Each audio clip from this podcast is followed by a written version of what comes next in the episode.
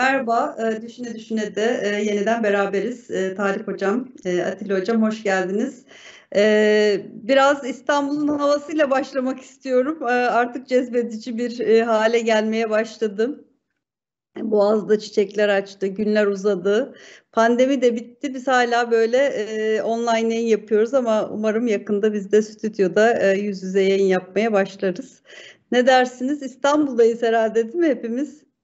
Evet. E, haftaya ben Pandeminin bittiği konusunda biraz ihtiyatlı olmakta fayda var. Evet hocam siz e, ziyadesiyle ihtiyatlısınız. Biz de bir an evvel bitmesi için şey yapıyoruz tedbir çok tedbirli davranmıyoruz sizden farklı olarak belki. E, ama yine de psikolojik olarak o şeyi aş, aştık herhalde. Siz de bu konuda evet. hem fikirsiniz diye düşünüyorum. Ee, yani pandemiyi çok iki yıl konuştuk. iki yıl, üç yıl, belki beş yıl geldi bize. Ama Türkiye'de e, başka böyle sürgit konular da var. Pandemi bütün dünyanın konusuydu ama e, bir süredir e, biz de göç meselesini konuşuyoruz malum. Sadece biz değil kuşkusuz yani Avrupa'da konuşuyor. Göç gelişmiş ülkelerin, gelişmekte olan ülkelerin, istihdam yaratan ülkelerin de bir sorunu. Acaba sorun mu? Hani o da ayrı ayrıca bir tartışma konusu kuşkusuz ama hani kamuoyu nasıl algılıyor meselesi önemli. E, bizim de genelde gündemimize bu şekilde geliyor çok kolay siyasallaştırılıyor biliyorsunuz. Ee, göçmenler yani sığınmacılar üzerinden özellikle işte birkaç tane provokatif olay üzerinden burada da gündeme geldi. Konuştuk. Cumhurbaşkanının bazı mesajları oldu. İçişleri Bakanı Süleyman Soylu'nun bu konuyla ilgili bir takım yaklaşımlar oldu ve tabii ki muhalefet e, partilerinin özellikle işte Kemal Kılıçdaroğlu'nun ve Zafer Partisi e, namlı e, Ümit Özdağ'ın e, bu konudaki çok provokatif yaklaşımları var. Ben hani buradan bir başlayalım istiyorum. Çünkü hakikaten akli selimle bu meseleyi konuşmak çok önemli ve e, ziyadesiyle de öyle konuşulmayan bir alan. Çok kolay işte sosyal medya üzerinden de hemen operasyon çekilebilecek işte çok kolay istihbaratçıların e, diyelim ki e, operasyon için kullanabildikleri, e, turist olarak gelen insanların bile, ülkeye turist olarak gelen insanların bile e, bir işte fotoğraf karesiyle e, halkın kamuoyunun tepkisini çekebileceği görüntülerin ortaya çıktığı bir alan. E, şimdi Kemal Kılıçdaroğlu diyor ki göndereceğiz. Bu konuda netiz. Kaçakları, işte sığınmacıları ki sığınmacı lafı e, yani adı üstünde bir mağduriyet ifade ediyor aslında. Göndereceğiz diyor. Ee, işte başka parti liderleri daha belki farklı, daha şiddet şeyler de söylüyor olabilir. Ee, iktidar partisinin yaklaşımı ise şu, diyor ki işte Suriye'nin içinde biz e, 1 milyon kişiyi geri dönmesini, gönüllü ve onurlu şekilde geri dönmesini sağlayacak bir imkan yaratmak durumundayız. Bunu yarattığımızda tabii ki döne, dönecekler, dönmek isteyenler dönecekler gibi bir yaklaşımı var. Bu hem insani hem demokratik bir yaklaşım ancak göçmenler söz konusu olunca demokrasi çok kolay bir kenara konulabiliyor ki demokrasi ağzından düşürmeyen insanlar tarafından da. Ee, Atilla Hocam yani e, ne diyorsunuz siz hani bu kadar kolay demokrasiden sapılabildiği bu kadar kolay böyle hani e, baskıcı, dışlayıcı pratiklerin, söylemlerin kamuoyu tarafından da kabul görebildiği ve kamuoyunun yaklaşımının da siyasetin e, bir anlamda arkasına sığındığı bir yaklaşım olarak ele alındığı bir dönem ve bir konu göç konusu. E, biraz Türkiye özelinden özellikle bu son dönemde işte bir takım işte Afgan e, kökenli gençlerin işte Afganistan bayrağı açması vesaire gibi pratikler e, üzerinden bir şey var. Böyle bir yükselen bir e, yabancı düşmanlığı diyelim ki yani bu lafı çok da hani şimdiye kadar hiç kullanmadığımız kelimelerdi kendi toplumumuz açısından ama artık yavaş yavaş kullanmaya başlıyoruz. Burada aklı selim ne olmalı sizce? Nasıl bir politika izlenmeli? Kamuoyunun da hassasiyeti dikkate alınmak suretiyle ne yapılabilir? Ne yapılmalı? Ne yanlış yapılıyor? Bir öneriniz, bir tespitiniz olur mu? Bazı düşüncelerim var. İzninizle onları sizinle paylaşayım. Evet. Ee, göçmen karşıtlığı yükselen bir dalga halinde ve göçmen karşıtlarının argümanlarına baktığımız zaman aşağı yukarı iki grupta bunları toparlamak mümkün. Birinci gruba girenler e, doğrudan doğruya göçmen karşıtı olanlar. Bunlar etnik, dini, kültürel, ekonomik sebeplerle göçmenlere, sığınmacılara, mültecilere karşı karşı olduklarını ifade ediyorlar. Ee, ikinci gruba girenler biraz daha değişik bir yol kullanıyor. Görüşlerini daha dolaylı olarak ifade ediyor ve entelektüel olarak şık görünmeye de özen gösteriyor. Bunlar aynı zamanda demokrasi, insan hakları ve özgürlükler taraftarıymış gibi bir hava basmaya çalışıyorlar. Şimdi ilk gruptaki kişilerin argümanlarına baktığımızda tamamen tutarsız olduğunu görüyoruz. Bir defa Türkiye kültürel olarak homojen bir ülke değil. Türkiye çapında bir toplum doğal olarak kültürel çeşitliliğe sahip. Çeşitli kültürlerin taşıyıcısı gruplar var. Bu gruplar arasında uyumsuzluk da var. Dolayısıyla göçmenlerin Türkiye kültüründe ciddi bir uyumsuzluk yarattığını söylemek çok zor. Tam da aksine göçmenler Suriyeli sığınmacılar özellikle Güneydoğu söz konusu olduğunda üç aşağı beş yukarı o bölge halkıyla aynı hayatı paylaşıyorlar. Aynı kültür, aynı kodlara paylaşıyorlar. Dolayısıyla kültürel argüman geçerli değil. Etnik argümana gelince Türkiye'nin etnik pürlüğünün bozulacağı, Türkiye'nin ileride Suriyelilerin yani Arapların kontrolüne geçeceği yolunda argümanlar var. Bunlar da deli saçması şeyler. Bir defa e, Türkiye'deki etnik e, homojenite bir masaldır. Türkiye etnik bakımdan homojen bir ülke değildir. Değişik etnisitelere ait kimseler vardır. Bunların arasında zaten Arap vatandaşlarımız da belli bir yekün tutmaktadır. E, hatırlarsanız bir süre öncesine kadar Kürtlerle ilgili de zannediyorum yine Zafer Partisi Genel Başkanı'ndan çıkan benzer bir argüman vardı. İşte 2000 bilmem kaç yılında Türkiye'de Kürtler çoğunluğu ele geçecek şeklinde saçma sapan tezler ileri sürüyorlardı. Şimdi bu tezler unutuldu gitti. Aynı şeyle karşı karşıyayız, aynı tavırla karşı karşıyayız. Yani bu insanların, e, Türkiye'de yaşayan insanların etnik bakımdan sıkı sıkıya Arap kimliğine bağlı kalacakları ve e, Türk kimliğiyle zıtlaşacakları yolunda bir varsayım var. Bu da e, gerçek olmayan bir durum. Etnik bakımdan da bir e, kaynaşma elbette olacaktır. İktisadi bakımdan e, karşı çıkanların argümanlar da geçersiz. Başlarda Türkiye'ye ciddi büyük getirdiği söylenebilir sığınmacıdan ama bugün itibariyle e, Türkiye'de sığınmacıların büyük bir ekonomik katkısı olduğu bir hakikattir. Bu insanlar önemli bir iş gücü teşkil etmektedir e, tüketici olarak e, piyasada alışveriş yapmaktadır. Ekonominin aktörleri haline gelmiştir. Dolayısıyla göçmenlere doğrudan doğruya karşı çıkandan tab bütün argümanları geçersizdir. Göçmenlere dolaylı olarak karşı çıkandan argümanlar ise daha değişik. Onlar diyorlar ki göç bir siyasi meseledir. Siyaset tabii ki bu meseleyle ilgilenecektir ve demokratik toplumlarda demokratik usullerle toplum ne kadar göçmen alacağına karar verme hakkına ve yetkisine sahiptir diyorlar. İlaveten de göçmenler seçilerek alınmalı, meslek sahibi olanlar, eğitim sahibi olanlar alınmalı, diğerleri dışarıda bırakılmalı şeklinde bir argümanlar var. Bu argümandan da geçersiz olduğunu söyleyebiliriz. Bir defa sığınmacılık bir haktır arkadaşlar. E, dini veya siyasi sebeplerle hayatı tehlikeye giren insanların başka bir ülkeye sığınması uluslararası hukukun da tanıdığı, bütün ahlak kodlarının da tanıdığı bir haktır. Bu hak siyasetin konusu yapılamaz. İnsan hakları siyasi müzakere konusu yapılamaz. E, meslek e, ve tahsil e, elimine sınırına tabi tutulması e, talepleri de geçersizdir. Çünkü Türkiye mesela Kanada gibi göç alan bir ülke değildir. Türkiye sınırına yığılmış yüz binlerce insanı hayatını kurtarmak için içeriye kabul etmek mecburiyetinde kalan bir ülkedir.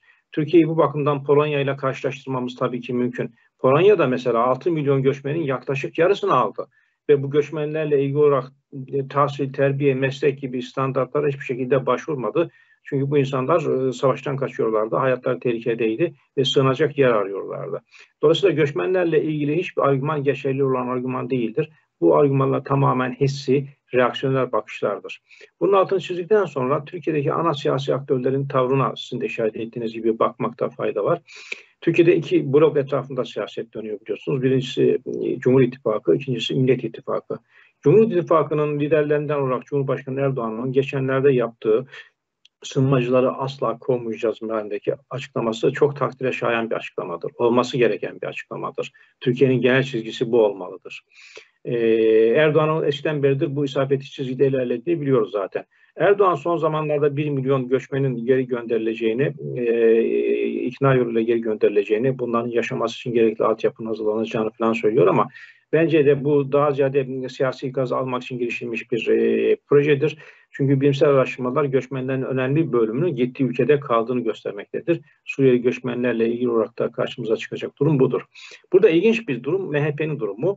MHP e, müspet sayılabilecek bir konuşma yaptı. Devlet Bahçeli'nin ağzından müspet sayılabilecek açıklamalarda bulundu.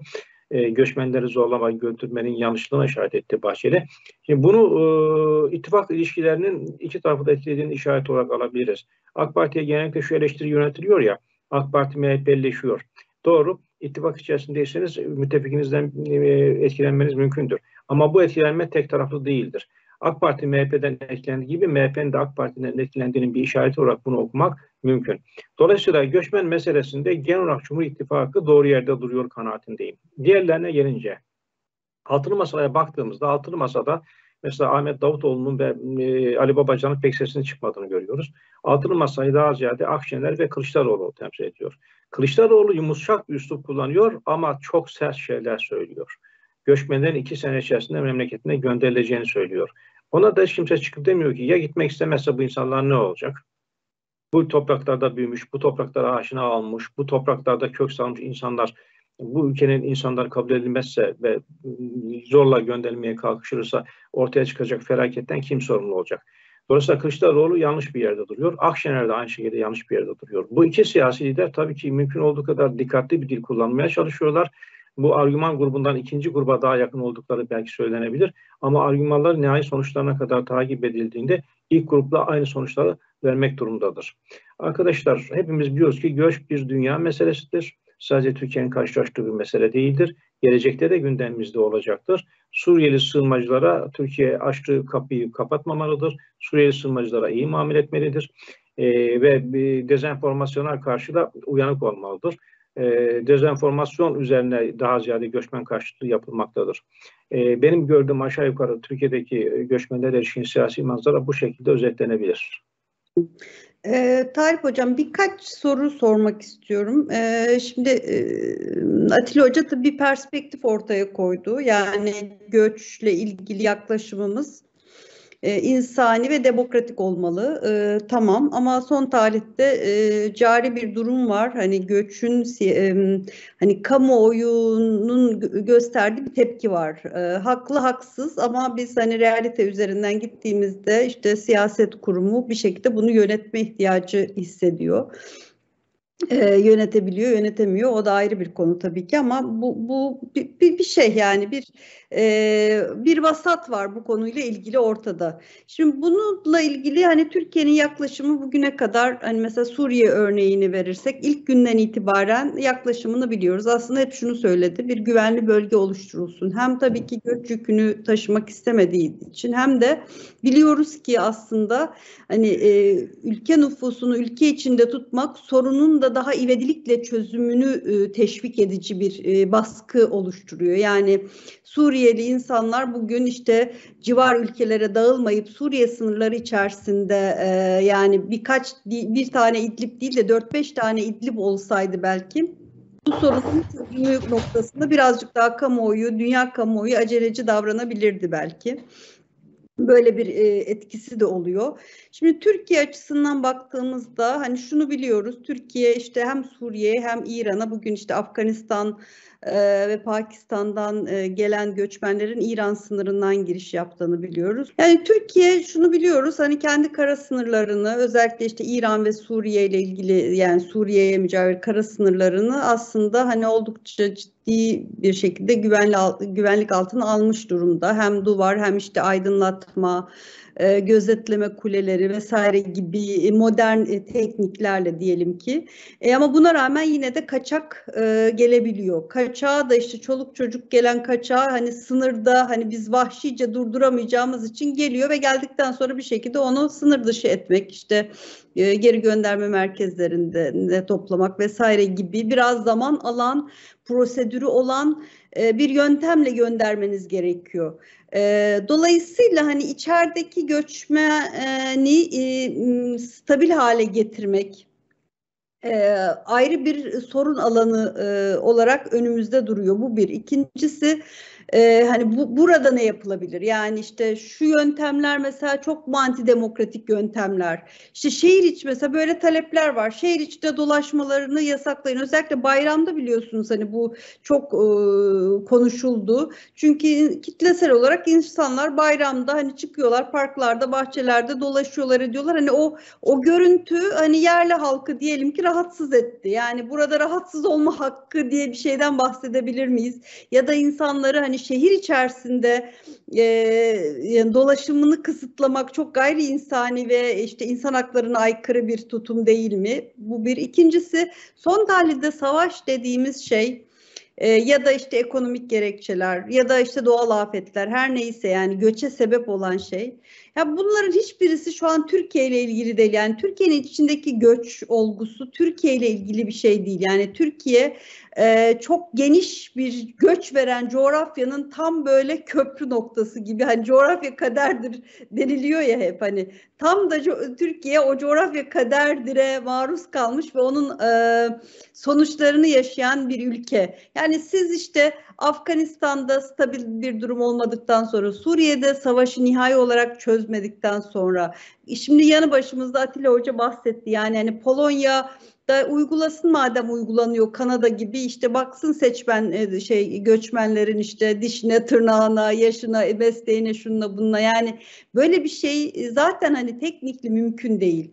E, böyle bir vasat varken hani Türkiye'nin iç içeride siyaseten bu şekilde e, şey yapılması hani e, zor zora sokulması e, söz konusu. Ben hani bunun açıkçası e, dışarılıklı bağlantılarının da olabileceğini düşünüyorum. Yani bu ne hamaset ne de komplo teorisi. Bilmiyorum siz nasıl bakıyorsunuz. Yani işte e, İran'ın Türkiye'ye karşı tutumu belli, işte Rusya'nın tutumu belli, yani Amerika'nın tutumu belli. Yani bu göç meselesi içeride böyle kışkırtılmak suretiyle e, Türkiye'nin e, kendi bölgesel politikalarıyla ilgili de bir geri adım atması ya da işte yaz ayları geliyor, turizm meselesi var biliyorsunuz. Hani Türkiye için çok önemli. Ee, buna da belki hani olumsuz e, tesir etmek gibi bir e, amacın tezahürü olabilir. Yani ben biraz hani bu yönlerine de bakmak gerektiğini düşünüyorum açıkçası. Hani sizin değerlendirmeniz nasıl olur? Göçün küresel bir olgu olduğunu bütün dünya biliyor. Sadece Türkiye ve çevresine ait bir mesele değil bu. Dünyanın her yerinde var. Göçün sebepleri ortadan kaldırılmadıkça göç durdurulamaz. Sınırlandırılabilir belki belli bir oranda kontrol altına da alınabilir ama göçü hiçbir ülke, hiçbir bölgesel güç hatta küresel güç durduramamıştır ve durduramayacaktır. Meksika'ya bakalım. Amerika sınırına bakalım. Amerika süper güç. Dünyada en fazla ordusu olan, ekonomik olarak en işte güçlü ülke. Durdurabiliyor mu? Durduramıyor. Duvar örmesine rağmen durdurabiliyor mu? Yine durduramıyor. Neden tünel, biliyor musunuz? Duvarı aşağı, aşağıdan tünel açıp geçiyorlar. Neden biliyor musunuz? Çünkü Meksika yoksul. Amerika onlar için daha zengin, daha refah sunan bir e, işte yer, e, istihdam açısından, eğitim açısından. Dolayısıyla bu dengesizlikler ve e, nedenler ortadan kaldırılmadığı sürece göçle yüzleşeceğiz. Siz önemli bir konuya işaret ettiniz Türkiye'nin konumu itibariyle. Dünyadaki çatışmalara baktığımızda yani önemli göç nedenlerine baktığımızda bunlardan birincisi çatışmalar, İkincisi ekonomik meseleler ve yoksulluklar. Üçüncüsü işte otoriter rejimler, totaliter rejimler. İşte önümüzdeki yıllarda göreceğimiz iklim değişiklikleri, küresel işte ısınma vesaire gibi konular. Bütün bunlar göçün önümüzdeki yıllarda daha da artacak şekilde bazı ülkeleri zorlayacağını işaret ediyor. Bakın Amerika Birleşik Devletleri'nde değil, İngiltere'ye bakalım. İngiltere bir ada ülkesi. Kara sınırı yok. Ama ne kararı aldı İngiltere geçenlerde? Dedi ki biz eğer e, deniz sınırlarından bize ulaşacak olanlar olursa onları Ruanda'ya göndereceğiz. Orada işte e, yerleştirmeye çalışacağız. Şu anda Fransa'nın kuzeyinde Kale denilen bölgede İngiltere'ye ulaşmak için binlerce insan ormanlarda vesaire yerlerde yatıyor. Hatta o kampları zaman zaman Fransızların yaktığını da biliyorsunuz yani ta- takip etmişsinizdir. Şimdi burada o zaman karşımıza çıkan bir mesele var. Türkiye'yi farklı kılan bu anlamda. Yani bu mesele demek ki aslında sizin de dediğiniz gibi bütün dünyanın meselesi. Yanı başımızda savaş var, yakın coğrafyamızda çatışmalar var. ister istemez bu göç hareketliği Türkiye'ye doğru geliyor. Çünkü Türkiye daha istikrarlı bir ülke. Çünkü Türkiye'den başka ülkelere gitme imkanları var insanların. Bu da Türkiye'yi tabii e, çekici bir hale getiriyor. Türkiye başlangıçtan itibaren insani, vicdani, etik ve hukuki bir aslında politika izledi. Türkiye'yi İngiltere'den ayrıştıran bu. Türkiye'yi Fransızlıklardan ayrıştıran bu. Hele hele komşumuz Yunanistan'dan ayrıştıran da bu. Unutmayalım. Daha yakın zamanlara kadar Ege Denizi'nde her gün yüzlerce insan hayatını kaybediyordu. Yunanistan kabul etmediği için bu insanları. Göç anlaşması eleştirilebilir ama en azından insan hareketliliğini biraz sınırla, sınırlandırdı. Türkiye'yi diğer ülkelerden ayıran e, göç politikası insani ve vicdani temelli olmasından kaynaklanıyor. Dünyanın pek çok gelişmiş ülkesi Türkiye'den daha fazla göç maruz kaldı. Hala da maruz, maruz kalabilecek. Ama Türkiye'nin takip ettiği politika açık kapı politikasıydı ve bunun arkasında yatan bir neden var. Bunu kamuoyuna bizim e, e, iyi anlatmamız lazım. Aydınların, siyasetçilerin, gazetecilerin. Çünkü bu insani ve vicdani bir mesele. Aynı zamanda bir hak sığınmacılık. Şimdi tabii bu açılardan baktığımızda kamuoyundaki bu rahatsızlığın nedenlerini evet anlamak, okumak, değerlendirmek lazım. Ama aynı zamanda burada az önce işaret ettiğim politika yapıcılara, politikacılara, aydınlara ve gazetecilere, işte akademisyenlere sorumluluğunu tekrar hatırlatmak lazım. Bakın sosyal medyada bazen minik bir görüntüden, küçük bir görüntüden hareketle mültecilerin, bunlar Afgan olabilir, Suriyeli olabilir, Pakistan olabilir, ırz ve namus düşmanı olduğuna kadar giden aşırı bir e, söylem ve temsil biçimi var. Şimdi böyle bir mesele Türkiye'de bam teli demektir. İnsanların bam teline basmak demektir. Yani eğer göçmenlerin bu tür davranışların arkasında olduğunu iki de bir e, siyasi bir figür söylüyorsa, medyada etkili bir figür söylüyorsa, milyonlarca ya da yüz binlerce işte e, takipçisi olan birisi bunu e, hesabından paylaşıyorsa, e, bunun kamuoyunu etkilememesi mümkün değil. Kamuoyu bundan etkilenir. Dünyanın her yerinde benzer çünkü etkileşimler söz konusu. Peki bunun çözümü ne? Yani bir ahlaki bir sorumluluk, siyasi bir sorumluluk sahibi olması gerekiyor bu bahsettiğimiz kesimlerin. İkincisi e, şu çok önemli sizin de söylediğiniz gibi yani insanların bulundukları yerlerde mal edinme, mülk edinme, seyahat özgürlüğü gibi temel hak ve özgürlükleri var. Bu temel hak ve özgürlükler sınırlanamaz. Mültecilikten dolayı, renkten dolayı, dinden ve dillerinden dolayı bunları sınırlayamazsınız. İnsanlara sen mültecisin, eğitim hakkından mahrum kalmak durumundasın diyemeyiz. Sen mültecisin, hastaneye gelemezsin, buradan tedavi olamazsın diyemeyiz. Bunlar temel insan haklarıdır bakın. Dolayısıyla bu insan haklarından e, kimseye mahrum edemeyiz. Yani bunu kamuoyuyla daha fazla paylaşmak, daha fazla anlatmak durumundayız. Mesela bakın Ana Muhalefet Partisi'nin bu konuda yaptığı bazı açıklamalar oldu. Ne diyor? Diyor ki bir Suriyeli mülteci hastaneye gittiği zaman para vermiyor ama bir Türk vatandaşı gittiği zaman para ödüyor. Bakın ana muhalefet partisi bunu söylediği zaman başka buna eklemeler de yapıyor başkaları. Ne, ne deniyor mesela? Deniliyor ki Suriyeli vatandaşların, Suriyelilerin hepsine devlet maaş ödüyor. Bakın bu yalan ortaya bir atılıyor. Ondan sonra milyonlarca insan bunu paylaşıyor ve sanki bir gerçeklik gibi karşımıza çıkıyor. O zaman ortalama bir yani normalde Suriyelilere karşı ön yargısı olmayan ortalama bir Türk vatandaşı da ya nasıl olur böyle bir şey? Yani ben varken nasıl böyle bir şey olabilir? Devlet başkasına maaş verebilir diyor. Ana Muhalefet Partisi şunu açıklıyor. Diyor ki Suriyeliler bu ülkede birinci sınıf vatandaş. Türkler ikinci sınıf vatandaş oldu. Ben bununla kavga edeceğim diyor. Hatta bir başka açıklamasında diyor ki Türkler üçüncü sınıf vatandaş diyor. Bakın biraz daha ileri gidiyor. Şimdi bakın bu sorumlu bir siyaset tarzı değil. Eğer ana muhalefet partisi bunu söyleyecek olursa o zaman ana muhalefet partisi oy veren e, işte yüzde 27, yüzde 28 e, toplumun bir kısmı onun söylediklerinden doğrudan etkilenecek. Yani kamuoyundaki var olan rahatsızlıkları yönetmek yerine onları e, kontrol altına almak yerine ateşe benzinle gitmek çok e, toplumsal barış açısından tehlikeli. Burada Suriyelileri gönderme politikası olabilir bir siyasi partinin. Suriyelileri tutmak nasıl bir siyasi tercihse, bir politika tercihi ise Suriyeli göndermeye ilişkin de bir tercihiniz olabilir. Ama burada kullandığınız dil ve bunu nasıl yapacağınız, hangi yöntemlerle yapacağınız önemli. O nedenle şimdi ya Suriyeliler aramızda çok fazla görünüyor. Bazı şehirlerde bunlar çok e, işte yoğun bir şekilde varlar. Kamplardan da çıktılar. O zaman bunlara e, işte hareket e, sınırlaması getirelim. Bu çok tehlikeli bir söylem. Bu bana getto söylemini hatırlatıyor. Şimdi getto kelimesi İtalyancadan dilimize gelmiş. Bunun tarihine baktığımız zaman şunu görüyoruz. İtalya'da Museviler, Yahudiler getto denilen yerlerde yaşıyordu. Toplumdan tamamen izole ediliyorlardı. Gündüz çarşıya çıkabiliyor, pazara çıkabiliyor ama akşam gettolara geliyorlar, kapıları kilitleniyor, buradan kimse içeriye alınmıyor, dışarıya alınmıyorlardı. Buradaki aşağılanma, burada insan ödülüne, onuna verilen zararın haddi hesabı yok. Bu daha sonra ne olarak karşımıza çıktı? Faşizm olarak karşımıza çıktı. Ne olarak karşımıza çıktı? Soykırım olarak karşımıza çıktı. Dünya bu tecrübeleri yaşadı. Bu tecrübelere bakarak Türkiye'deki siyasetin daha sorumlu olması gerekir. Daha bu konularla da rasyonel ve sağduyulu olması gerekir. Dolayısıyla toplumdaki rahatsızlıklar üzerinden oy devşirmeye çalışmak, bunu daha önceki programlarımızda da söylemiştik, çok vahim bir durum.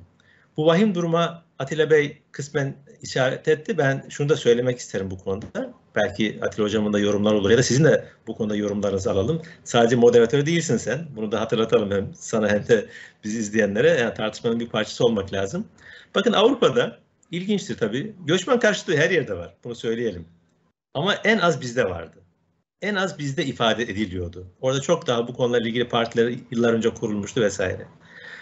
Avrupa'nın sosyal demokratları, Avrupa'nın solcuları, sosyalistleri göçmen karşıtı değil, göçmen dostu. Son zamanlarda elbet onlar da etkileniyorlar bu göçmen karşıtlığından. Ama gidin mesela işte Fransa'ya, gidin işte Almanya'ya, gidin başka ülkelere. Sosyalist partiler, sosyal demokrat partiler daha e, çoğulcu, daha işte bu bunlar hak ve hukuk e, temelinde tartışmaya çalışıyor. O nedenle ilginçtir mesela Avrupa'daki azınlıklar, Müslümanlar ve Türkler sol partilere oy verme eğilimindedir. Kendileri solcu değil belki, kendileri sosyal demokrat olmayabilir ama gidip oralara oy veriyorlar bu bahsettiğimiz nedenden dolayı. Peki Türkiye'de durum ne? Ya Türkiye'de sizin sorunuz en başta oydu zaten yani göç karşıtlığı uğruna acaba bazı partiler siyasi ideolojilerinden, duruşlarından, ilkelerinden vaz mı geçtiler? Öyle görünüyor. Türkiye'de demokrat solu e, temsil eden, Türkiye'de işte sol siyasi temsil eden Cumhuriyet Halk Partisi'ne baktığımız zaman göçmen karşıtlığının bayraktarlığını yapan bir duruma geldi. Tabii buna karşı şunu da söylemek lazım. İktidar Partisi'nin bu konuyla ilgili toplumu bilgilendirmesi, projeleri açıklaması, zamanında bunu daha geniş kitlere yayması bu son derece önemli. Çünkü burada manşetlere çekilen cümlelere baktığımızda zaman zaman yanlış anlaşılmalara neden oluyor. Mesela Cumhurbaşkanı e, yaptığı konuşmalarda şunu söylüyor. Biz Suriyelilere kucak açtık, Suriyelileri göndermeyeceğiz. Suriyelileri bu ülkeden kovmayacağız. Şimdi herkes bunu diyor ki ya asla Suriyeliler kendi ülkelerine dönmeyecek. Demek ki AK Parti'nin ya da işte Cumhurbaşkanı'nın kararı bu yönde. Halbuki biraz daha alt okumalara baktığımızda şunu söylüyor Cumhurbaşkanı. 400 bin kişi gitti. Biz orada zaten şu anda Türkiye olarak işte bir takım eğitim faaliyetlerinin yapılmasında yani toplumun normal hayatının akışının sağlanmasında Türkiye zaten şu anda orada bir proje yürütüyor. Bu yeni bir şey değil. Eğer güvenli bir bölge oluşturulduysa bunlar yapılıyor. Buna ilave olarak e, dönüş planı yavaş yavaş yapılacak. Ama zorla olmayacak. Zaten zorla e, gönderme diye bir şey yok. Buradaki problemlerden bir tanesi şu.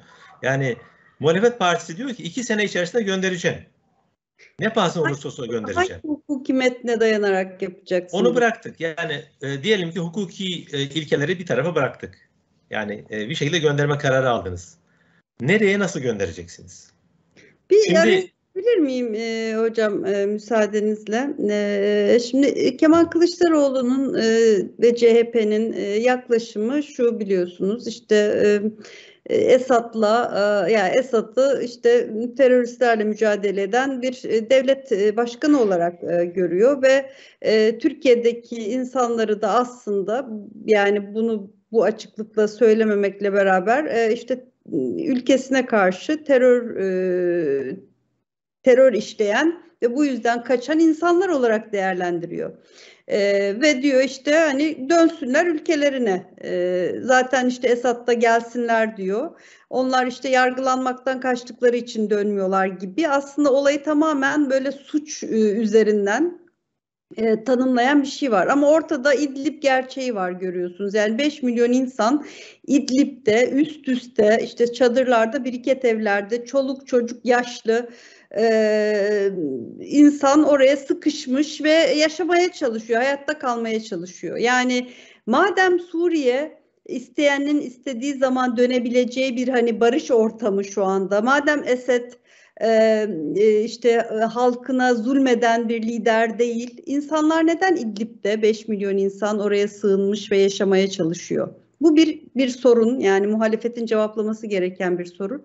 İkinci sorun e, madem göç konusunda bir gönderme te, e, temayülündesiniz, yani bunu bir proje olarak, e, seçmene bir vaat olarak ortaya koyuyorsunuz. İktidar partisi de şunu diyor, diyor ki bir milyon insanı biz e, gitmeye heveskar kılacak bir e, proje geliştirmeye çalışıyoruz ve bunun için batılı ülkelerden yardım istiyoruz. E, Suriye'nin içinde e, 1 milyon e, Suriyelinin sadece Türkiye'den de değil yani işte Ürdün'de civar ülkelerde de var e, Suriyeli. Onların da dönmesini teşvik edecek bir yaşam alanı, hayatı normalleştirecek bir süreç başlatalım. Bunun için biz elimizden gelen her şeyi yapalım ama hani herkes elini taşın altına koysun. Şimdi Türkiye'nin muhalefeti, Türkiye'nin bu sesinin yükselmesine yardımcı olursa herhalde bu konuda Türkiye daha işte eli güçlü olarak e, dünya kamuoyuna bunu e, bu çağrısını iletmiş olur e, ve muhalefetin yapması gereken bir şey de bu bana kalırsa yani sorumlu muhalefetin yapması gereken bir şey. Madem hani siz bana soru sormuş oldunuz ben de bir bir soruyla aslında hani bakış açımı da ifade etmiş olayım.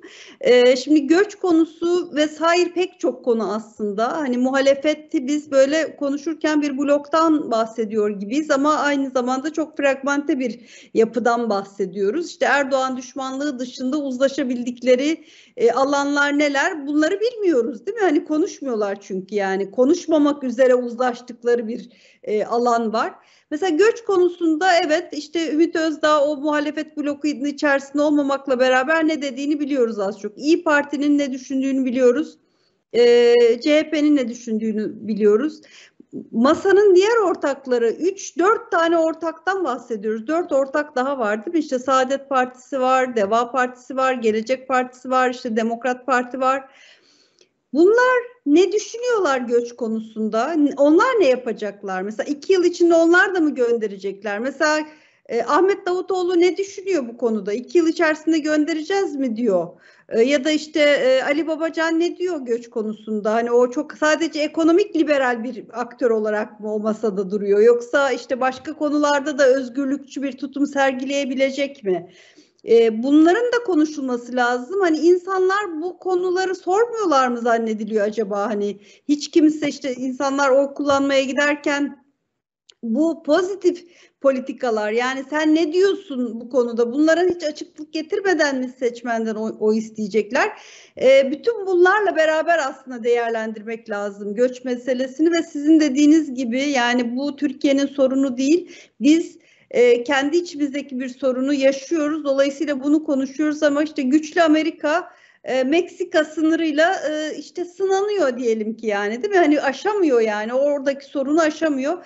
Demek ki burada hani e, belki adil paylaşım yani hani daha büyük meta anlatılar üzerinden konuşalım. Bütün dünyanın adil paylaşım üzerinden yeniden belki dizayn edilmesi yani bu nosyonun öne çıktığı bir politikanın e, işte Birleşmiş Milletler nezdinde belki çatı örgütler nezdinde daha adil paylaşım, ekonomik pay, daha adil ekonomik paylaşım ve işte savaşlar konusunda işte beş ülkenin insafına bırakılmamış bir dünya barışı düzeniyle belki yani göç sorununa da konuşacaksak oradan doğru konuşmak gerekiyor belki. Yani bunu deyip ben başka bir şeye geçebilir miyim müsaadenizle? Başka bir, bir şey bir şey söyleyeyim ondan sonra lütfen. Çünkü konuyla da alakalı kısmen.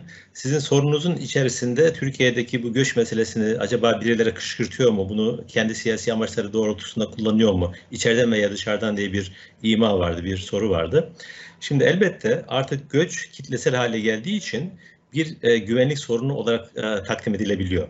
Ya da e, bu potansiyel içinde taşıdığı söyleniyor. Ee, sizin söylediğiniz bir e, işte gerçekte bakalım şimdi. Oradan da Afganistan'a belki gitmiş oluruz. Şimdi en son Afganistan'dan gelenler Türkiye'ye hangi ülke üzerinden geldiler? İran üzerinden geldiler. Mesela, evet. Evet bu şunu gösteriyor bize. İran acaba bunları kendi ülkesinde durduramaz mıydı? Tekrar durdurabilirdi. Ama İran durdurmadı. Demek ki bir hesabı var. Bunu görmemiz gerekiyor. Yani elbette e, yani bizim durdurmamız gerekiyor. Eğer İran durduramıyorsa o da ayrı bir mesele. Yani sınırların kontrol açısından. Fakat burada bazı ülkelerin göçmen meselesinde kullandıklarını, araçsallaştırdıklarını, başka ülkelere belki destabilize etmek için, istikrar için araç olarak kullanabileceğini görmemiz lazım. İran'ın yaptığı benim kanaatimde doğrudan böyle bir şey. Türk iç siyasetinde bunun ne tür kırılmalara yol açabileceğini, ne tür tartışmalara yol açabileceğini tahmin ediyor. E, gönderiyor e, ve biz ne yazık ki bu e, oyuna geliyor özellikle muhalefet partileri. Bir şeyle sonlandıracağım bu söylediğimi. Muhalefet Partisi liderinin bir açıklaması var. Biz Suriye'yi inşa edeceğiz. Barışı sağlıyorlar. Ayrıca Suriye'deki okulları yapıyor, hastaneleri yapıyor ve de diyor bunun parasını Esad'dan alacağız, Avrupa Birliği'nden alacağız. Şimdi bu söylemin hiçbir karşılığı yok. Onu ifade etmekte yarar var. Yani siz e, Suriye'ye de barışı inşa etmek ve altyapıyı tamamen yenilemek, bunu da Avrupa'dan almak. Böyle bir dünya yok. Yani çünkü e, Avrupa Birliği'nin konuya ilişkin yaklaşımını zaten biliyoruz. Esad'ınkini zaten görüyoruz. O nedenle yani sizin söylediklerinize ben de katılıyorum. Yani seçmenin e, oy verirken bu e, sorulara sorması gerektiğine inanıyorum. Fakat şunu da görüyorum. Göç karşıtlığı, sınırmacı karşıtlığı e, ne yazık ki e, demokrasilerde bunun ol, yerin olmaması lazım. Oy getiren bir şeye dönüştü, kaynağa dönüştü. O nedenle e, sürekli olarak Türkiye'de bazı partilerin e, sığınmacı karşıtlığını önümüzdeki günlerde de artırarak devam ettireceğini öngörüyorum. Evet, e, çok e, evet. haklısınız. Bir iki şey söyleyebilir miyim e, Halim Hanım? Elbette hocam, buyurun. Şimdi bu e, genel olarak göçmenler diyoruz ama e, tabii sığınmacılar var, mülteciler var e, teorik bir tartışmaya da ihtiyacımız var. Yani e, uluslararası hukuka göre ve temel ahlak kodlarına göre e, siyasi ve dini sebeplerle e, baskı gören, hayatı tehlikede olan insanların bir başka ülkeye sığınması bir haktır. Bu tartışılmaz bir gerçek. Ama sizin işaret ettiğiniz başka bir hususu ortaya çıkartıyor. Acaba ekonomik şartlar kötü olduğu için insanlar başka ülkeye göç etme hakkına sahip midir, değil midir? Bu ciddi bir tartışma. Bu tartışmanın yapılması lazım. Ee, mesela ben e, dini ve siyasi sebeplerle hayatı tehlikede olanların sığınma hakkını e, kabul etmeye açığım ve meyilliyim. Ama ekonomik e, sebeplerle e, göç konusunda aynı açıklıkta ve netlikte e, evet diyemiyorum. E, bu çerçevede dünyada adil bölüşüm e, gibi şeyler de e, pek anlamlı ifadeler değil.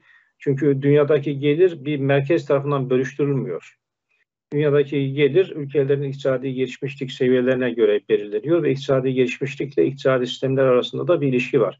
Galiba dünyanın daha açık bir dünya olması, e, piyasa ekonomisinin dünya çapında uygulanması, ülkelerin ekonomilerinin birbirine entegre olması, e, böylece servetin e, belli bir yerde birikmeyip dünyaya daha dengeli bir şekilde dağılması gibi şeyler üzerinde durmamız lazım. Öbür türlü sanki bir merkezi otorite varmış ve bu merkezi otorite geliri e, refahı istediği gibi dağıtabilirmiş gibi bir kanaat uyanıyor. Böyle bir şey yok. Bu bizi çözümsüzlüğe götürür kanaatindeyim. Son olarak da e, şu çelişkiye işaret edeyim. Sizler de işaret ettiniz. E, Kemal Kılıçdaroğlu'nun e, durumu. E, hadi e, Türkiye'de tehlikeli şeyleri söylemek e, benim payıma düşüyor genellikle. Söyleyeyim. Kemal Kılıçdaroğlu ile Esad arasında bir e, mezhep ortaklığı var e, bu mezhep ortaklığı da Kılıçdaroğlu'nun tavrında etkili oluyor zannediyorum. Türkiye'ye göç etmek zorunda kalanlar genellikle sünni kitleler. Acaba Nusayriler Türkiye'ye göç etmek zorunda kalsaydı, Türkiye onlara kucak açsaydı Kemal Kılıçdaroğlu'nun tavrı ne olurdu merak ediyorum doğrusu. E, ayrıca demokrasiden dem vuruyorlar ama antidemokratik bir ülke. e, af çıkarttığından bahsediyorlar. Af çıkartması imkansız bu ülke. Çünkü rejimin mantığı vatandaşına karşı savaş üzerine kurulmuş bir mantık. Dolayısıyla e, Suriye'de bu rejim devam ettiği sürece e, silahlar patlamasa bile Suriye'ye dönecek insanların e, can güvenliği yine tehlikede olacaktır. E, devamlı demokrasiden bahseden, Türkiye ile ilgili demokrasi açısından eleştiriler yapan insanların Hafız Esad'la ilgili olarak, e, Esed ailesiyle ilgili olarak, Esed rejimiyle ilgili olarak bu hususu hiç görmemeleri, hiç de getirmemeleri de ilginç bir çelişki gibi geliyor bana. Ee, evet kuşkusuz hocam. Aklıma şimdi şey geldi. Zaten hani biraz bahsettik göç meselesi. Afganistan e, malum hani hatta be, belli bir e, kesimde hani Suriyelilerden e, böyle bir şikayette bulunmamıştık. Bakın hani şimdi Afganlılarla ilgili bu şikayeti dile getiriyoruz. Üzerinden biraz hani göçmen karşıtı olmadıklarını e, da hani meşrulaştırmaya, kendi pozisyonlarını meşrulaştırmaya çalışırken işte Suriyeliler ve Afganları karşılaştırıyorlar. E, son olaylarda biraz hani Afganistan'dan gelenlerle ilgili bir yaklaşım e, şeklinde cereyan etti. E, şimdi Afganistan e, hani Türkiye'ye işte Suriye gibi sınırımızda değil İran üzerinden geliyorlar malum ve işte Taliban'ın orada artık hani yönetime geçmesi üzerinden e, bir bütün hani civar ülkelere bir Afgan göçü söz konusu oldu biliyorsunuz. Çok enteresan görüntüler de e, yaşanmıştı. İşte işte batıya kalkan uçaklardan işte sarkan insan görüntüleri, insanlık dışı görüntülerdi bir anlamda. E, şimdi Afganistan e, da bir şey var. E, işte bir Taliban e, vakası var. Biraz hani oraya da gelmek istiyorum. E, yeni haberler işte Afganistan meselesi hep biliyorsunuz hani kız çocukları üzerinden, kızlar üzerinden, kadınlar üzerinden uzunca bir süre özgürlük bağlamında sorunsallaştırıldı. Ve işte Taliban bir anlamda bir takım işte dünya kamuoyuna kadınlarla ilgili önceki tutumunu terk ettiğine dair sinyaller vererek e, bu işte e, göreve gelme sürecini de kendini bu şekilde lanse etmişti ve o günden beri de aslında işte kadınların kızların yeniden okula dönüşüyle ilgili bir beklenti söz konusuydu. E, tam işte tekrar okullar açılacak derken okulların açılmasının bir vesileyle tehir edildiği e, açıklanmış oldu. Dolayısıyla bu da Taliban'a ilişkin hani Taliban değişti mi? E, beklentisini e, aslında işte e, değişmediğine e, dair yeni bir şeye e, algıya bırakmış oldu o beklenti yerini.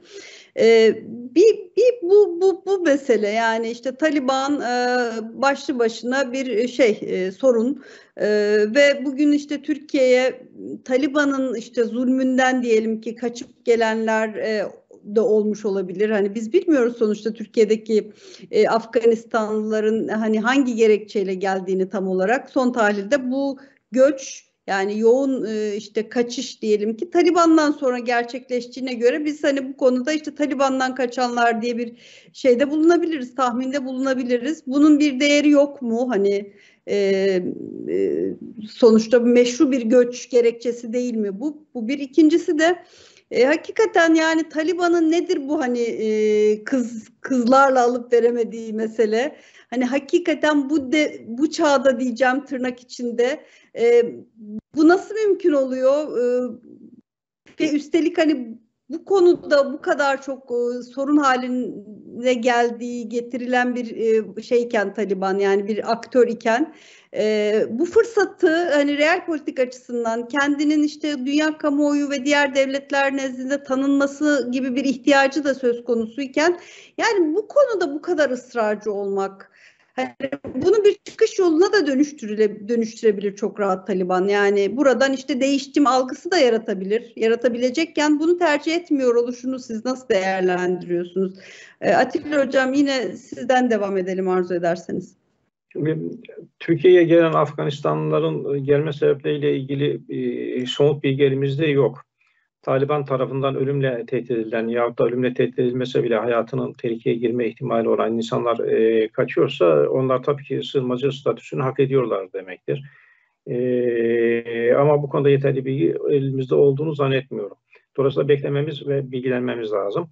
Taliban'ın yapmaya çalıştığı şeye gelince, e, Taliban aslında totaliter İslamist bir rejim inşa etmeye çalışıyor Afganistan'da. Bu daha ziyade kadınlar üzerinden doğal olarak yansıyor. Ama kadınlar üzerindeki baskının benzerlerinin erkekler üzerinde de olduğu söylenebilir. E, kadınlar toplumsal hayattan dışlıyor. Eğitim hayatından dışladı, çalışma hayatından dışladı. Kadınların yanında aileden bir erkek olmadan dışarı çıkmasını, e, toplumla hemhal olmasını engelledi. Bunlar tabii ki iyi işaretler değil. E, Taliban bir çeşit bir İslami yoruma dayanıyor. Bu İslami yorumun en doğru İslami yorum olduğu herhalde söylenemez. Müslümanlığın bu şekilde anlaşılması Müslümanlığın aleyhine olan bir şeydir. Ee, ve İslam'da hakikati bulduğunu, anladığı İslam'da hakikati bulduğunu ve bu hakikatin imparatorluğunu, hakikatin krallığını tesis etmeye çalıştığını düşünüyor Taliban. Bu yol totalitarizme götüren bir yoldur. E, hakikatin bir dinden kaynaklandırılması veya bir ideolojiden kaynaklandırılması ya da bir çeşit bilimden kaynaklandırılması bir farklılık yaratmaz. Taliban sivil toplumun tasfiye edildiği, toplumun hakikatin buyruklarına tamamen ve zorla uyar hale getirildiği bir rejimin kurma peşinde e, diye görüyorum. Ama bu hakikatin krallığı, insanın köleliği diye benim ifade ettiğim hususu zannediyorum e, ayrı bir programda daha geniş bir şekilde ele almakta fayda var. Ee, hocam, e, e, Talip hocam, e, son bir soru. Hani e, pek tekrar Atilla Hoca'ya dönemeyebiliriz. Vaktimiz hayli kısaldı çünkü. E, yine dikkat çekici bir gelişme. Putin'in işte 9 Mayıs Zafer Günü'nde e, İkinci Dünya Savaşı'nı e, işte e, Rusya açısından, Sovyet Sosyalist Cumhuriyetler Birliği açısından bitiren ve zaferle bitiren e, tarihin 77. yıl dönümü e, zannediyorum e, yanlış hatırlamıyorsam. Bir konuşma yaptı. Şimdi 9 Mayıslar e, bugüne kadar işte e, Rusya için böyle şaşalı kutlamaların yapıldığı törenler. Yine benzer bir şey oldu ama e, işte daha önce e, Amerika dahil işte çünkü birinci ikinci Dünya Savaşı'nda biliyorsunuz Almanya tek başınaydı ve Rusya ile Amerika'nın hani soğuk savaş başladı ondan sonra ama aynı cephede neredeyse değil mi savaşta bir e, savaş, İkinci Dünya Savaşı. Dolayısıyla bugüne kadarki 9 Mayıslar e, Rusya'nın böyle işte e, İkinci Dünya Savaşı'nın müttefiklerinin gelip işte o törene katıldıkları başka dünya liderlerinin davet edildiği bir tören olarak idrak edilirken bu sefer e, Putin tek başınaydı. Bu bir. İkincisi bu Nazi lere karşı işte bir bir meydan okuma, Nazizme karşı bir meydan okuma, bugünün Naziz, Nazilerine karşı bir meydan okuma gibi bir cümle de sarf etmiş oldu. Bunu çok farklı yorumlayanlar oldu. İşte bir işte Putin'in aslında işte yalnız kaldığının göstergesi olarak bir işte yenilmişlik psikolojisinin yansıması olarak değerlendirenler oldu. Tabii şey de önemliydi bence. Yani bir hiç savaş e, lafı zikretmeksizin artık zaten kimse savaş demiyor. Yani bir savaş yaşanıyor ama kimse savaş demiyor. Çünkü savaşların işte yenilgili ya da zaferle bitmesi gerekiyor herhalde o yüzden. E, ama hani ben de hani şöyle bir pa, pa, aç, açılım yaparak hani size lafa atmış olayım. E, o zaman Almanya tek başınaydı İkinci Dünya Savaşı'nda. Şimdi Rusya tek başına. E, o zaman işte Almanya ile Almanya'ya karşı bütün Avrupa ve Rusya birlikte hareket ediyordu. Bugün işte bütün Avrupa tek e, ses olmuş Rusya'ya karşı e, bir pozisyonda. E, Nazizm'den bahsediliyor. O dönem işte bir tarafta Nazizm vardı, bir tarafta Stalinizm, bir tarafta faşizm vardı belki. Hani dönem de öyle bir dönemdi. Hani bu kavramları yeniden e, kullanmak e, ne kadar işlevsel? Putin'in bu tavrı hani bir psikolojik tezahür mü sadece yoksa bir haklılığın e, sesi olarak mı yükseliyor? E, ve hani bugün e, Rusya'nın işte Nazizmi Putin'in işte Nazizmi dile getirmesi ve o günkü ikinci yani 1945 ile işte 2022 arasında böyle bir bağlantı kurmak çok anakronik mi? Ee, yani Putin ne yapmaya çalışıyor ve epeydir de konuşmadık tabii Ukrayna-Rusya meselesini. Ee, ne oluyor orada? Takip ettiniz mi? Biraz bu son e, Putin'in açıklamaları çerçevesinde bahsedelim isterim. Tabii son günlerde Batı basında baktığımızda şu tür yazılar çıkmaya başladı. Bu savaş uzadıkça ya da işgal ya da işte operasyon sizin de söylediğiniz gibi pek e, farklı şekillerde tanımlanabilir bunun aslında daha geniş bir savaşa dönüşebileceği yani Rusya ile Batı arasında bir savaşa dönüşebileceğine ilişkin yorumlar çıkmaya başladı. Çünkü beklenilenden daha fazla sürdü. Ukrayna teslim olmadı. Ukrayna'ya yardımlar arttı. Fakat Batı cephesinden de baktığımızda iki ana akım olduğunu görüyoruz. Almanya ve Fransa biraz daha mesela e, düşük tonlu eleştirileri var ve savaşın bitmesi konusunda ellerine geleni yapmaya çalışıyorlar görüntüsü veriyorlar. İngiltere ve Amerika ise Rusya'nın daha fazla zayıflatılması, Putin'in daha fazla zayıflatılması ve bunun için de savaşın uzaması gerektiğini ifade ediyorlar bir şekilde. Hatta en son kongreden çıkan e, Amerika Birleşik Devletleri'nde 33 milyar dolarlık Ukrayna'ya yardım paketi çıktı biliyorsunuz. Bu şu demek, daha sonra bir açıklama geldi yine e, Amerikan tarafından. 6 ay içerisinde bu savaşın bitmesini öngörüyoruz. Yani Rusya'nın çekileceğini varsayıyorlar. 6 ay daha devam edecek yani. Evet, Şimdi 2 ay biraz geçti biliyorsunuz. Dolayısıyla böyle bir durumda elbette Putin bir takım yeni arayışlar içerisine girmek durumunda kaldı. Çünkü kendi ülkesinde de kamuoyunun her ne kadar bir milliyetçilik dalgası yaratmış olsa da ilk dönemlerde yavaş yavaş bunun ekonomik sıkıntılar da ortaya çıkacağı için bu e, konuda psikolojik bir aslında operasyon yapmaya çalışıyor. Hatırlayın bu savaşın ya da e, işgalin başladığı ilk dönemlerde de e, Donbas bölgesinde e, Nazi bir grubun olduğu, faşist bir grubun olduğu ve onlara karşı bu mücadelenin devam ettiği, hatta kullandığı kelime dinatifikasyondu. Yani Nazilerden arındırmak için e, Ukrayna'ya savaş açtığını söylüyor idi. Dolayısıyla tekrar 1940'ların Nazizmini bugün gündeme getirmesinin sebebi de o. Yani o günkü düşman da aynı idi. Bizim için bugünkü düşman da aynı. Biz aynı cepheyle savaşıyoruz. Bu e, tabii Batı'da çok fazla anlam ifade etmiyor ama e, Rusya kendi iç kamuoyunda evet yani Rusya e, tabii Putin aslında bu anlamda bakılacak olursa e, tarihi sembolleri ve e, metaforları çok e, kendisi açısından başarılı bir şekilde kullanıyor. Yani Rus kamuoyunu e, ikna etmek açısından ama bunun Avrupa'da bir karşılığı olmadığı artık e, açık, net. Fakat bunu sık sık gündeme getirecekler. Çünkü Nazizmin insanların e, ya kolektif hafızalarına bıraktığı hatıralar, izler çok olumsuz. Dünya neresinde olursa olsun. Yani bir Alman'a bile işte yani e, ya bu bu saldırı Nazilere karşı yapılmış deseniz belki ikna bile edebilirsiniz. Çünkü Almanlar Nazizm denilince biliyorsunuz e, çok ciddi bundan rahatsız oluyorlar. Yani böyle bir e, hafıza olduğu için e, bu anlamda bir karşılığı var. Yani e, Avrupa'da da e, Nazizmden özellikle Ukrayna'da, Polonya'da, Romanya'da yani e, Hitler'in gidip ezdiği her yerde aşağı yukarı bunun izlerini görmek mümkün ama e, bugün gelinen noktaya baktığımızda bu psikolojik e, aslında bir arayış, çıkış noktası. Çünkü şu görüldü, e, yani burada e, hep şunu konuştuk, bu savaşı kim durdurabilir? Bunun kararını verecek olan Putin dedik değil mi? Yani aslında çekilirse. E, ama öyle görünüyor ki e, Putin böyle bir şeye e, razı değil. Birincisi bu. ikincisi gerçekten Amerika, İngiltere ve belki de Avrupa'daki başka ülkeler ezerek Putin'i böyle bir noktaya doğru e, götürmek istiyorlar. Dolayısıyla Putin bunun buna son noktasına kadar direnecek. Öyle anlaşılıyor. Bu Nazizm vurgusunda böyle totalci bir e, vurguda bunu gösteriyor. Yani karşımızda Ukrayna yok. Koca bir Nazi ideolojisi ve onu destekleyen ülkeler var tarzında bir çıkış diye e, yorumlayabiliriz. Evet. Çok teşekkürler. Ee, yani 50 dakikayı doldurduk. Ee, bence e, kifayet müzakere haftaya. E, belki buradan devam ederiz. Belki yeni başlıklar açarız. E, şimdilik burada bırakalım. Teşekkür ediyoruz.